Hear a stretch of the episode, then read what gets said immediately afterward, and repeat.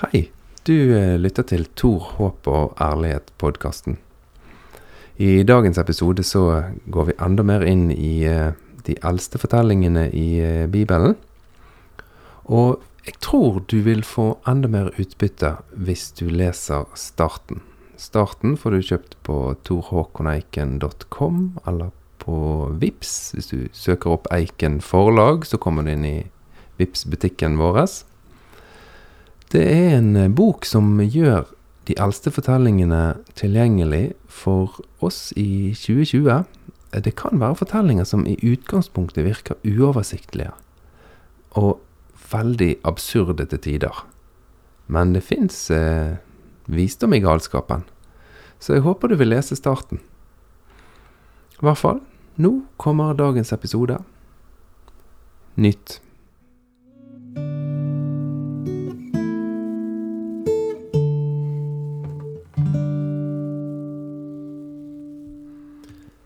Det er ganske sjelden det er veldig viktig å ha helt rett. Når du er opptatt av at alt skal være helt rett, og at du har helt rett, eller jeg er veldig opptatt av at jeg har helt rett, da blir det ganske vanskelig å forholde seg til eh, både det vi sier og, og den vi er. Bare tenk eh, på forholdet ditt til barnet dine, eller kjæresten din, eller til noen av vennene dine. Det er veldig slitsomt å hele tiden ha rett, eller å forholde seg til folk som hele tiden har rett, og at uh, den måten jeg tenker på, er den rette. Jeg vet at jeg og stort sett alle mennesker har jo en tendens til å gå inn i grøfter der vi har helt rett, og vårt syn er det endelige. Jeg har begynt å tenke, når jeg leser de gamle tekstene, eh, så er ikke forfatterne der opptatt av å ha helt rett. Det tror jeg er en eh, tanke som vi har tillagt de. De virker veldig mye mer avslappet til om ting er rett eller ikke. Jeg leste en uh, uttalelse fra en uh, rabbiner, og han uh, sa det at det var en konge som hadde to tjenere han var veldig glad i. Og så ga han til disse tjenerne en boks med hvete og en bunt med lin. Til én boks til hver av de, og en bunt med lin til hver av de tjenerne. Så reiste han vekk. Og mens han var vekke, så tok han ene tjeneren og tok det lina, og så spant han det til tråder, og så vevde han en fin duk. Og så tok han eh, hveten og malte han og gjort, gjorde det om til mel og bakte og fikk knadd deigen og utviklet hveten til et fint brød. Og så kom denne kongen, eller eller gårdsherren tilbake, og så sier han til tjenerne sine, «Eh, kan dere hente det som jeg ga til dere? Og så eh, kommer han som har jobbet med det han fikk. Han kommer og legger frem en fin duk og et fint brød oppå. Mens den andre, han har konservert det han har fått, så han leverer tilbake en boks med hvete og en bunt med lin. Så sier denne rabbineren, da. Den eh, loven som vi mottok på fjellet, som Moses mottok, det var hvete og en bunt med lin. Det er veldig mye bedre å jobbe og foredle og utvikle den enn å konservere den. Dette var ikke ordrett sitert, men jeg ble bare så fascinert når jeg leste den fortellingen. For en holdning til de gamle skriftene. Det er et utgangspunkt. Det er noe å jobbe med. Det er noe å tenke på. Det er noe å kna og vende og elte. Det er noe å eh, veve. Det er noe å jobbe med. Og hvis vi er veldig opptatt av at det som ble sagt der, er helt rett, da må vi faktisk snakke en del usant, og vi må hoppe over mye fakta og vi må lukke ørene for andre sine tanker. For vi kan rett og slett ikke kna, vende og, og, og elte i det hele tatt. Jeg eh, husker jeg satt på et møte, et kristent møte, der det ble snakket mye om eh, skapelsesfortellingen. Den første fortellingen i første Mosebok. Og så ble det sagt om eh, forskere som da forteller at jorden er veldig, veldig, veldig mye eldre enn de 6000 årene som det kan se ut for at han er i, i Bibelen. Så ble det snakket om disse forskerne som noen som på en måte angrep troen og rev ned kunnskapen og kjennskapen til Gud. Og så pratet jeg med en som hadde vært på det møtet etterpå, og han er en meget dyktig geolog. Han har blitt hentet til store deler av verden for å fortelle og vise hvor det er lurt å bore og lete etter olje, og kan, kan utrolig mye om bergarter og, og, fjell. Og så sier han det er veldig rart å sitte her og så kjenne at jeg blir gjort til en skurk. En som nærmest forfalsker historien, som om jeg har et sånn motiv for å ødelegge troen. Jeg forska jo på fjell og steiner, og jeg hadde jo sett hjemme hos han, og jeg hadde fått lov å låne hytten hans. Og jeg hadde jo sett at det var steiner og ting overalt, og han var så engasjert i, i yrket sitt. Og han visste at jorden umulig kan være 6000 år. Men det var ikke noen ondskapsfulle tanker. Han brukte kunnskapen sin og utviklet interessen han hadde for stein og bergarter til å lære mer. Og så begynte jeg å lese denne skapelsesfortellingen. Og så begynte jeg å tenke på hvem var det som skrev denne skapelsesfortellingen? Hvor var de når de skrev? Jo, de var jo Kanskje de var i fangenskap i Babylon? Kanskje det var litt etter fangenskapet i Babylon, og at de hadde begynt å få komme tilbake til sitt hjemland? Så du snakker kanskje fire, fem, seks hundre år før Kristus. Kanskje det var da? Og hva sammenheng levde de i? Hva tenkte andre om skapelsen, da? Hvordan var de akadiske og sumeriske skapelsesfortellingene? Og så ser du, når du begynner å lese det, så begynner du å skjønne at å ja, dette var folk som satt i fangenskap. Som hadde opplevd de verste krigsovergrepene som du kan tenke deg. De satt i et fullstendig mørke. Folket deres hadde vært igjennom enorm, et enormt mørke. Men de forteller at det fins et potensiale i skapelsen som er helt fantastisk. Og så endrer de litt på skapelsesfortellingene som er i religionene rundt de. For der er det fortellinger om hvordan jorden er blitt til gjennom kamp og vold. Hvordan gudene har slåss og til slutt overgitt ansvaret til menneskene, for de orker ikke mer. Det er så mye styr og bråk med disse menneskene. Så da får menneskene ansvar for kloden til slutt allikevel. Og så skriver de en ny skapelsesfortelling. Som sannsynligvis har gått på muntlige tradisjoner i, den kulturen i, i mange år før han skrives ned, men den påvirkes helt klart av skapelsesfortellinger fra andre religioner. Og så skriver de sånn I begynnelsen skapte Gud himmelen og jorden. Jorden var øde og tom, og mørket lå over dypet. Og Guds ånd svevde over vannet. Da sa Gud, det skal bli lys, og det ble lys. Gud så at lyset var godt, og Gud skilte lyset fra mørket. Tenk på det, du.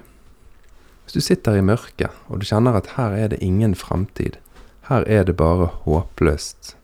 Vi er bortført, vi er ødelagt, vår kultur holder på å forsvinne.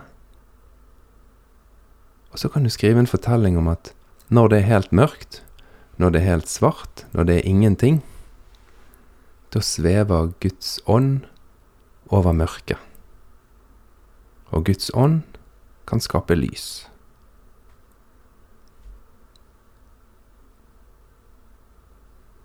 Skapelsesfortellingen er skrevet av mennesker. Mennesker som ikke på noen måte ville hevde at de var til stede når skapelsen begynte. Det var ingen med et GoPro-kamera som var der når jorden ble til. Menneskene som skrev denne fortellingen, de prøvde ikke å ha rett. De prøvde å fortelle oss at det finnes muligheter, det finnes potensialet.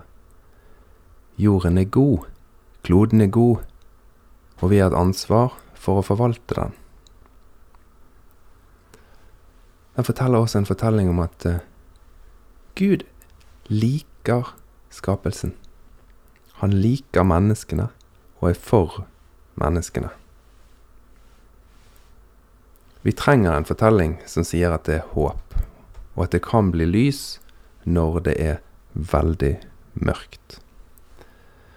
Men jeg må si det at hvis jeg hadde skrevet en poesi og en vakker beskrivelse av verdens tilblivelse, så hadde jeg ikke forventet at folk skulle gjøre det om til en naturfagsbok og si at dette er sannheten, sånn er det bare, det er ingenting å endre på. For eh, noen uker siden så var det i nyhetsbildet en fortelling om noen mennesker, noen nordmenn, som har laget en ny naturfagsbok som de ønsker å bruke på sine skoler. En naturfagsbok som skal lære våre barn at eh, jorden er 6000 år. For de vil holde seg til den bibelske sannheten. Men hva om de bibelske forfatterne ikke var opptatt av å ha rett. Kanskje det er helt feil? Kanskje deres budskap var annerledes? Hvis du leser skapelsesfortellingen med denne tanken, at dette er en vakker fortelling som skal gi oss håp, og som skal samtidig vekke oss opp for at vi har et ansvar for en fantastisk skapelse, da blir det kanskje ikke så viktig å lande på at denne fortellingen er rett eller riktig eller detaljert. Så nå skal vi kna og vende og snu litt til på denne her fantastiske skapelsesfortellingen. For den forteller også at eh, mennesket var det ypperste, det vakreste, det flotteste, toppen av skapningen. Og så står det at eh, det fantes en mulighet for mennesket til å ta til seg av kunnskap om godt og ondt. Og så står det at det var en, et veldig listig dyr. Det listigste dyret av de alle, det var slangen. Og slangen, den foreslår for Eva og Adam de to første menneskene i denne fortellingen, at de skal ta til seg av kunnskapen om godt og ondt. I tankegangen om at jeg har rett, så ligger det også en tankegang om at de andre har feil, og at noen er onde, og noen er gode. Hva om denne fortellingen er en fortelling om eh, menneskets mulighet. For det er jo til syvende og sist det som skiller oss virkelig fra resten av skapningene. Det er vår evne til å velge å gjøre det gode eller gjøre det onde. Når jeg ser på hunden min, som ligger i gangen, så tenker nok han veldig lite over moralske dilemmaer. Var jeg god nå når jeg eh, spiste opp all maten min? Burde jeg delt den med eieren min? Det tenker han ikke. Han tenker ikke på godt og vondt. Det virker ikke som han har en eneste tanke for morgendagen engang. Men vi mennesker, vi har evnen til å tenke hva som er godt, og hva som er vondt. Det er jo en helt fantastisk posisjon å være i, da. At vi er der. Vi ville jo ikke vært det foruten. Eller jeg ville i hvert fall ikke vært det. Kunne jo levd i en sånn barnslig verden der Alt rundt meg var godt, og jeg trodde alt jeg var blitt fortalt, og alle var med meg og for meg. Akkurat som en toåring som bare har fått kos. Men jeg er veldig glad at jeg kom til en modenhet der jeg begynte å skjønne at det er noe som er ondt, og noe som er godt. Det er ikke alltid like lett å sette fingeren på hva som er ondt, og hva som er godt. Veldig ofte er det gråsoner gjennom hele livet. Men menneskene, de kunne i hvert fall velge mellom godt og ondt etter hvert. Og sist gang så snakket vi om en uh, fortelling der Abraham jobbet intenst for å skape en avtale med Gud og ordne opp med Gud, sånn at han og Gud skulle være på lag. Og da viste forfatterne oss hvordan eneste ting Abraham kunne bidra med i forholdet til Gud, det var å legge seg ned og sove. Disse som eh, skrev den fortellingen, de fortsatte, de. Og så skrev de videre hva Abraham gjorde etter denne opplevelsen. Da hadde han altså fått så klare signaler på at Abraham, stay out of it. Ta en pause. Legg deg ned og sov. Du kan ikke bidra og tilføre noen ting i forholdet ditt til Gud. Du må puste ut. Men han kommer bort til sin kone, og det første konen sier til han er at 'jeg har en plan' hvordan vi skal få sørge for framtiden vår, så ikke vi trenger å bekymre oss for at vi ikke skal ha noen etterkommere. Jeg vil at du skal ligge med tjenestepikken min. Og i dag så ville vi tenkt som så. Det er feil. Det er slemt. Det er stygt. Hvis du leser om en mann som har voldtatt au pairen sin, og hun er blitt gravid, og så vil han ha foreldreretten, så kjenner du at dette er feil. Og når du leser boken min, starten, så er Mikael, som følger hele denne fortellingen, han er sjokkert. Han tenker som om han har en moral fra 2020. Og han blir helt frustrert over Abraham sin ondskap. Dette er feil, dette er ondt, dette er slemt. Men jeg har lyst til å bare vise deg at denne her Bibelen er ikke så tydelig på hva som er feil, rett og ondt og godt. For den setter ingen kritikk ved at Abraham faktisk går med på konen sitt forslag. Han er med på den tanken han at nå skal han oppfylle sin del her, sånn at Gud sitt løfte kan bli noe av. Og han går inn og ligger med denne Hagar.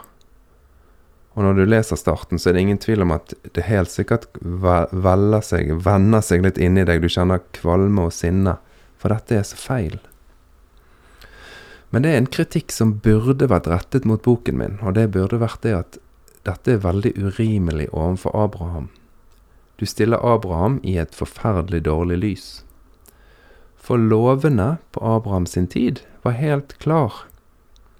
Det er det at hvis din kone ikke blir gravid, så har du rett til å ligge med tjenestepiken hennes. Det var ordningen, det var loven. Abraham brøt ingen lov. Heldigvis, vil jo vi si i dag, så har vi kommet mye lenger. Vi har begynt å skjønne at kvinner ikke er eiendom lenger. De skal ikke tilhøre mannen. Men igjen så ser du hvor absurd det blir å påstå at Bibelen hele tiden har rett og viser oss hva som er rett. Det var faktisk rett, og det var greit på den tiden. Og når du leser starten, så kjenner du sinne over denne her, dette overgrepet mot denne au. Men det er lite sannsynlig, eller Jeg kjenner jo ikke Hagar som ble utsatt for dette overgrepet, men mest sannsynlig så var dette noe hun tenkte var en ordning. Sånn var det. Nå ble hun en medhustru. Nå var hun sikret forsørgning og mat. Nå kunne hun overleve. Så at hun opplevde det så traumatisk som noen ville opplevd det i dag, det er veldig lite sannsynlig. Ting endrer seg. Moral endrer seg. Vi vokser i kunnskap og forståelse. Mens disse fortellerne her, de sier i hvert fall det at Abraham, du burde lagt deg ned og hvilt til Herren, altså til Skaperen, kunne gjennomført det han har lovet. Men du begynner å styre på, og du gjør et overgrep mot en dame. Om forfatterne på deres tid tenkte at dette var et overgrep, det tviler jeg også på. For da hadde de nok ikke skrevet det så tydelig om at deres forfar, deres troshelt, faktisk gjorde et overgrep. Da hadde de nok ikke fortalt det på denne måten. Så i deres verden var det Abraham gjorde, sannsynligvis bare veldig unødvendig. Du lager litt styr her, Abraham, for nå kommer det en ny arving inn. Men det som er interessant å se, det er at den sønnen som Abraham får med Hagar Det er ingenting i disse tekstene som tyder på at det var veldig feil.